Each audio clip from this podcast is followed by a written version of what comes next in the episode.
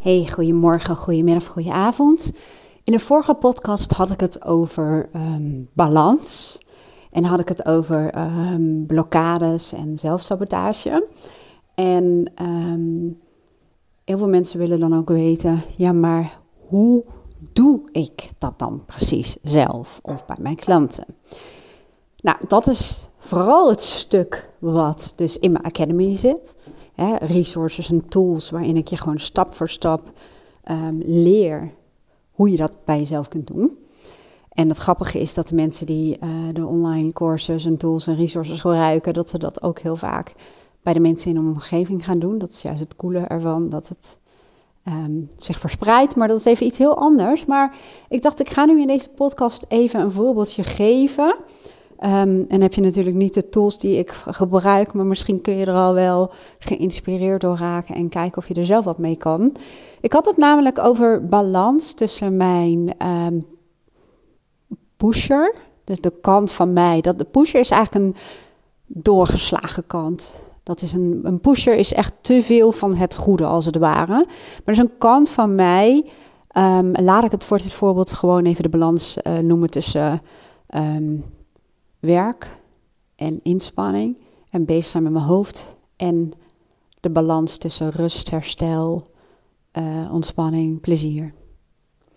En um, als je mijn vorige podcast luistert, dan, dan hoor je wel uh, waar dit dan exact over gaat. Maar ik heb de neiging om door te slaan.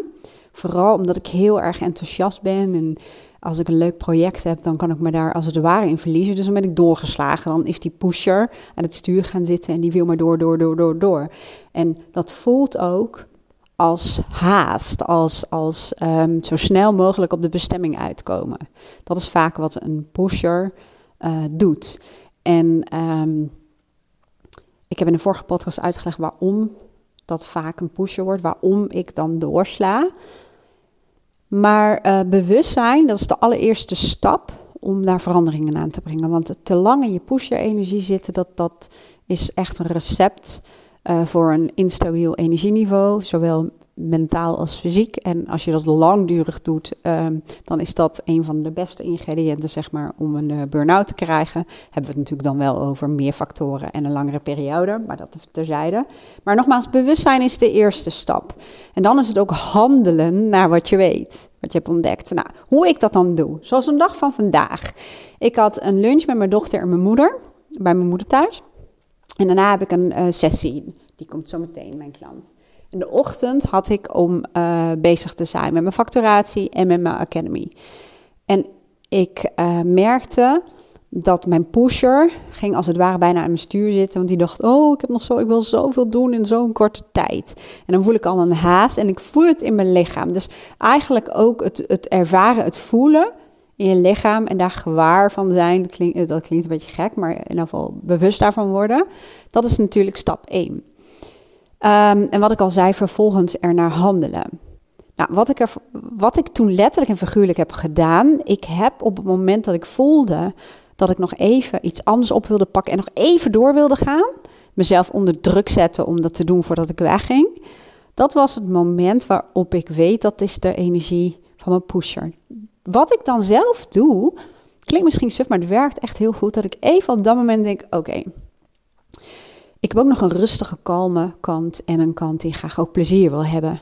Als je dat toevoegt, als je daar ook naar luistert, dat is dus die balans, dan ga je ook merken dat je uh, veel meer ook van het proces geniet, in plaats van dat je als een dolle naar de bestemming toe gaat en dan denkt te genieten. Dat is ook het verschil tussen um, heel veel dopamine uh, aanmaken en in een soort rush komen versus um, ja, plezier hebben en voldoening ook in het proces, om het zo te zeggen. Nou, wat ik vervolgens heb gedaan, ik, was, um, ik had de boel afgesloten en ik uh, uh, zat in de auto onderweg naar mijn moeder. En ik maak dan gebruik van tijdsdeelplanning. Staat ook in mijn academy. Dat hoort erbij. De tools voor de wet van aantrekkingskracht. Segment intending noemen ze dat ook wel. Eigenlijk gaat het om dat je heel bewust je volgende tijdsdeel gaat plannen. Toen dacht ik, wat ga ik vanmiddag doen? Hoe ziet mijn middag eruit? En uh, nou, dan zit ik in de auto even na te denken. Denk, nou, na de lunch heb ik nog even tijd. Ik heb ruim de tijd genomen tussen de lunch, zeg maar, in mijn eerste sessie. Of in mijn sessie vandaag. En ehm, dat ik dacht, nou, ik kan even dit gaan doen. En toen voelde ik al die pusher die dacht, oh, maar ik kan ook nog heel even bezig zijn met die academy. Um, op dat moment luister ik ook naar mijn rustige en kalme kant. En als die zouden kunnen praten, en ik weet het klinkt suf, maar als je me een tijdje volgt, dan weet je dat dit voice dialogue is. Die zou zeggen, nee, als je thuis komt, ga je gewoon rustig even je tanden poetsen. Um, je gaat je even klaarmaken. Uh, je, je kijkt even hoe het met de hond gaat. Je zet een kopje thee en je bereidt rustig je sessie voor. Als er nog tijd over is, dan kun je kiezen wat je gaat doen, maar niet meer in die academy. Dus dat is een bewuste, uh, ja, bewust denkproces, om het zo te zeggen. En vervolgens dacht ik, oké, die sessie duurt dus ongeveer kwart voor vijf. En hoppa, meteen weer mijn pusher. De eerste primaire gedachte die ik had is, oh, dan kan ik nog een uurtje even doorknallen in de academy. En toen dacht ik weer, oké, goed, dit wil mijn pusher. Nogmaals, het klinkt alsof ik niet helemaal goed bij mijn hoofd ben geworden, maar het werkt echt fantastisch goed. En niet alleen bij mij, maar ook bij mijn klanten. Dus ik krijg gewoon even door.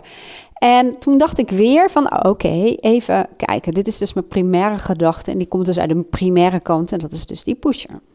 Maar wat, toen, stel, toen stelde ik mezelf de vraag, maar wat kan ik doen om ervoor te zorgen dat ik vandaag een goede balans heb en me dus gewoon goed voel.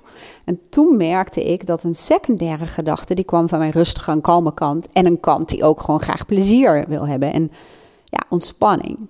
En toen kwamen er, dat is het denkproces wat dan op gang komt, gedachten als nee, als mijn sessie is afgelopen rond de uur of kwart voor vijf, ga je gewoon rustig even de boel opruimen. En je gaat rustig met het eten even beginnen, lekker het eten voorbereiden of even met de hond een bos in en het is klaar. Dan ga je morgen na je sessies, ga even pauze nemen en dan ga je lekker die tijd met de Academy bezig, want daarna heb je dan ook geen afspraken meer. Dat is een denkproces. Nogmaals, het klinkt alsof ik allemaal stemmetjes in mijn hoofd heb, maar dat hebben we allemaal. We hebben allemaal gedachten en die gedachten komen voort uit kanten van onszelf en heel vaak vanuit primaire gedachten. En door dit te doen, dit bewuste denkproces, door mezelf vragen te stellen, een vraag bijvoorbeeld, wat kan ik doen om ervoor te zorgen dat ik vandaag een goede balans heb? En dat is ook verbonden aan een, een, een waarde, hoe, hoe, wat ik een fijne dag vind en waar ik dan voldoening uit haal, om het zo te zeggen. En vervolgens dat je je bewust wordt dat er een primaire kant is die meteen met zo'n gedachte komt dat, oh, dan kun je nog even een uurtje knallen. En ik voel het vaak in mijn lichaam. Dan gaat mijn ademhaling al omhoog. Want die pusher die wil onder druk zoveel mogelijk doen. En dat kan soms functioneel zijn. Hè? Want dus, ik ben ook heel veel. Um, ik heb ook heel veel te danken aan die kant van mezelf, zullen we maar zeggen. Alleen, ik weet ook dat um, ik kan dat uurtje pakken. Maar als ik nu ervoor kies vandaag om gewoon lekker rustig daarna of te gaan wandelen of uh, even te gaan koken, dat zijn dingen die je dan met je handen doet en met heel ander, um, andere focus. Dat kan juist zorgen voor herstel. Dat kan er heel goed voor zorgen, dat weet ik uit ervaring, dat ook mijn brein gewoon rust krijgt en herstel. En morgen gewoon weer veel beter presteert dan wanneer ik dat uurtje was doorgeknald. Terwijl ik weet ook, hè, dat is het volgende, dat is ook bewustzijn, dat als ik het vandaag dus laat liggen, dat uurtje, dat ik morgen, zeker omdat ik dan uh, ruimer de tijd heb, omdat ik alleen in de ochtend afspraken heb, dan kan ik morgen, juist omdat er geen uh, het is open. Morgen, middag is het open omdat ik verder geen afspraken meer heb. En dan weet ik dat mijn creatieve proces um, veel meer op gang komt. En dat ik vaak heel veel meer kan doen, omdat ik dan de tijd heb om ook echt in een flow te komen zonder de hele tijd op de klok te hoeven kijken. En ik weet, onderaan de streep is dit voor het resultaat veel beter. Maar dat betekent dus wel dat ik bewust um, na moet denken. Want anders zou ik me laten verleiden om te reageren vanuit een kant, vanuit een pusher. Snap je een beetje wat ik bedoel? Dus even kort samengevat van wat doe ik om balans te krijgen? Nou, ten eerste, dat legde ik je al in de vorige podcast uit.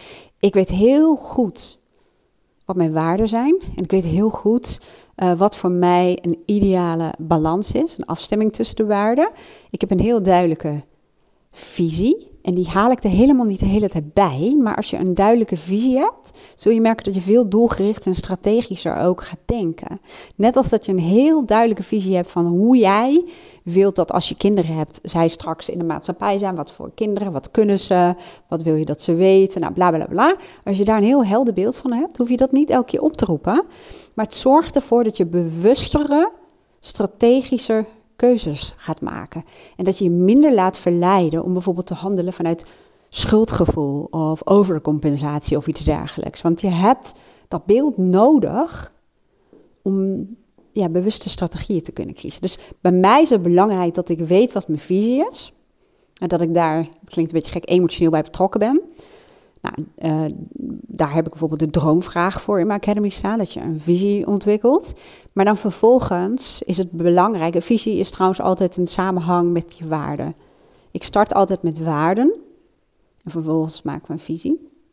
En vervolgens, um, de volgende methodiek die ik dus gebruik, is voice dialogue. Dus waarden, visie, voice dialogue. En voice dialogue, dat laatste stukje, omdat um, je persoonlijkheidskanten, ze noemen dat ook wel het handelend ego, bestaat uit primaire delen van jezelf. En dat zijn allemaal als het ware onbewuste, bijna gedachteloze. Ja, het is niet gedachteloos, want je hebt wel gedachten, maar het zijn onbewuste gedachten.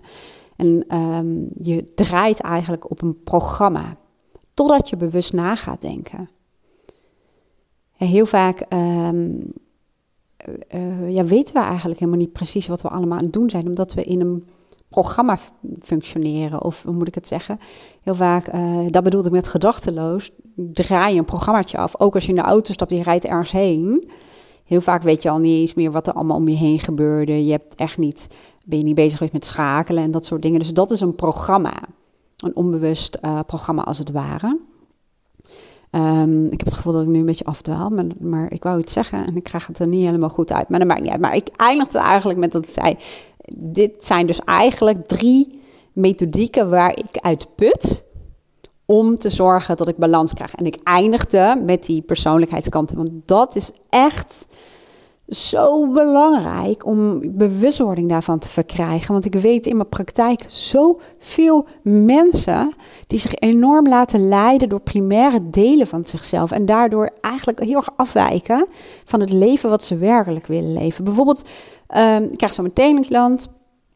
En die kan zich heel erg laten, die is um, begaafd, hoogbegaafd. En uh, die heeft ja, een ander denkproces dan de mensen waarmee uh, deze persoon werkt. En um, haar innerlijke criticus en haar pleaser zitten heel vaak aan het stuur. Waardoor ze heel erg aan zichzelf gaat twijfelen en heel erg de connectie met zichzelf verliest. En probeert het goed te doen zoals ze denkt dat de buitenwereld dat van haar verwacht. En dan lukt dan niet dan wordt het soms nog erger. Of dan komt uit waar ze juist bang voor was. En zo verliezen de verbinding met zichzelf. En eigenlijk is de verbinding met jezelf verliezen ook de verbinding met je bewustzijn verliezen. Dan nemen kanten van jou het over. Heel veel mensen zeggen ook, ik raak mezelf kwijt. Of ik word heel onzeker of een beetje wiebelig of ik weet het echt niet meer of ik raak overweldigd en ik weet ook niet meer wat ik moet doen. Ik doe alles wat ze zeggen en dat is nog niet goed. Nee, je bent dus de connectie met je bewustzijn en jezelf um, kwijt, als het ware. En dat gebeurt dus vanuit innerlijke kanten van onszelf. En het geval wat ik net aan benoem, is er een hele sterke innerlijke criticus. En een, een, pleaser en een kant die als het ware erbij wil horen en die zich wil conformeren. Alleen in dit geval weet ik van deze persoon van haar dat um, haar denkprocessen zijn zo ongelooflijk anders en omdat ze in een omgeving verkeert van mensen die een andere manier van denken hebben, wat je vaak ziet bij mensen, dat ze dan um, een betekenis eraan toekennen. Ik ben anders, dus ik ben niet goed genoeg. Ik herken het zelf ook heel erg van vroeger. Um, en de een gaat zich heel erg conformeren, en de ander gaat zich juist heel erg afzetten of gaat zich terugtrekken. Um, dus dat heeft ook met die kanten te maken. En, en wat bij mijn eigen proces heel erg heeft geholpen en rond ik af, is bijvoorbeeld heel erg contact maken met mijn autonome kant. En ehm, eigenlijk wat je dan doet, is dan bijvoorbeeld je denkwijze, de wijze waarop je denkt en de wijze waarop je de wereld ehm, waarneemt, hè, je perceptie zullen we maar zeggen. Dat je het heel erg in je voordeel gaat gebruiken. En dat je ehm, verbonden blijft met jezelf in een wereld of in een omgeving waar mensen bijvoorbeeld heel anders denken dan jij. Dat je nog steeds leert om verbonden te blijven met jezelf. En een andere betekenis aan toekent. Hè? Jezelf anders valideert. Dat is vaak wel een proces met meerdere uh, dingen die ik dan inzet. Plus, wat heel vaak in dit soort uh, dingen uh, heel belangrijk is, en dit is een compleet ander onderwerp wat ik in één keer in de podcast lanceer. Um, het is belangrijk dat mensen hoe je ook denkt, hoe je ook bent, dat je ervoor zorgt dat je ook een omgeving hebt met mensen die um, ja, gelijkgestemd, het hoeft niet altijd gelijkgestemd zijn, maar waar jij je goed bij voelt. Die het goede in jou zien, waar je jezelf kunt zijn. Als je dat te weinig hebt, zie je vaak dat je gaat conformeren, gaat aanpassen aan de wensen en de normen van andere mensen. Dus zo zie je dat er heel vaak meerdere dingen worden ingezet om te zorgen um, nou ja, dat je probleem als het ware wordt opgelost. Nou, ik ga me voorbereiden voor de sessie. Dankjewel voor het luisteren. Een hele mooie dag. Mocht je interesse hebben om zelf ook aan de slag te gaan met je waarden, een visie ontwikkelen of voice dialogue, dat kan. Ik zet wel even een linkje naar mijn online uh, academy. Ik noem het nu nog academy. Binnenkort ga ik een andere naam bedenken, maar ik weet nog niet wat. Dus ik kan hem aanbevolen. En uh, nou dat.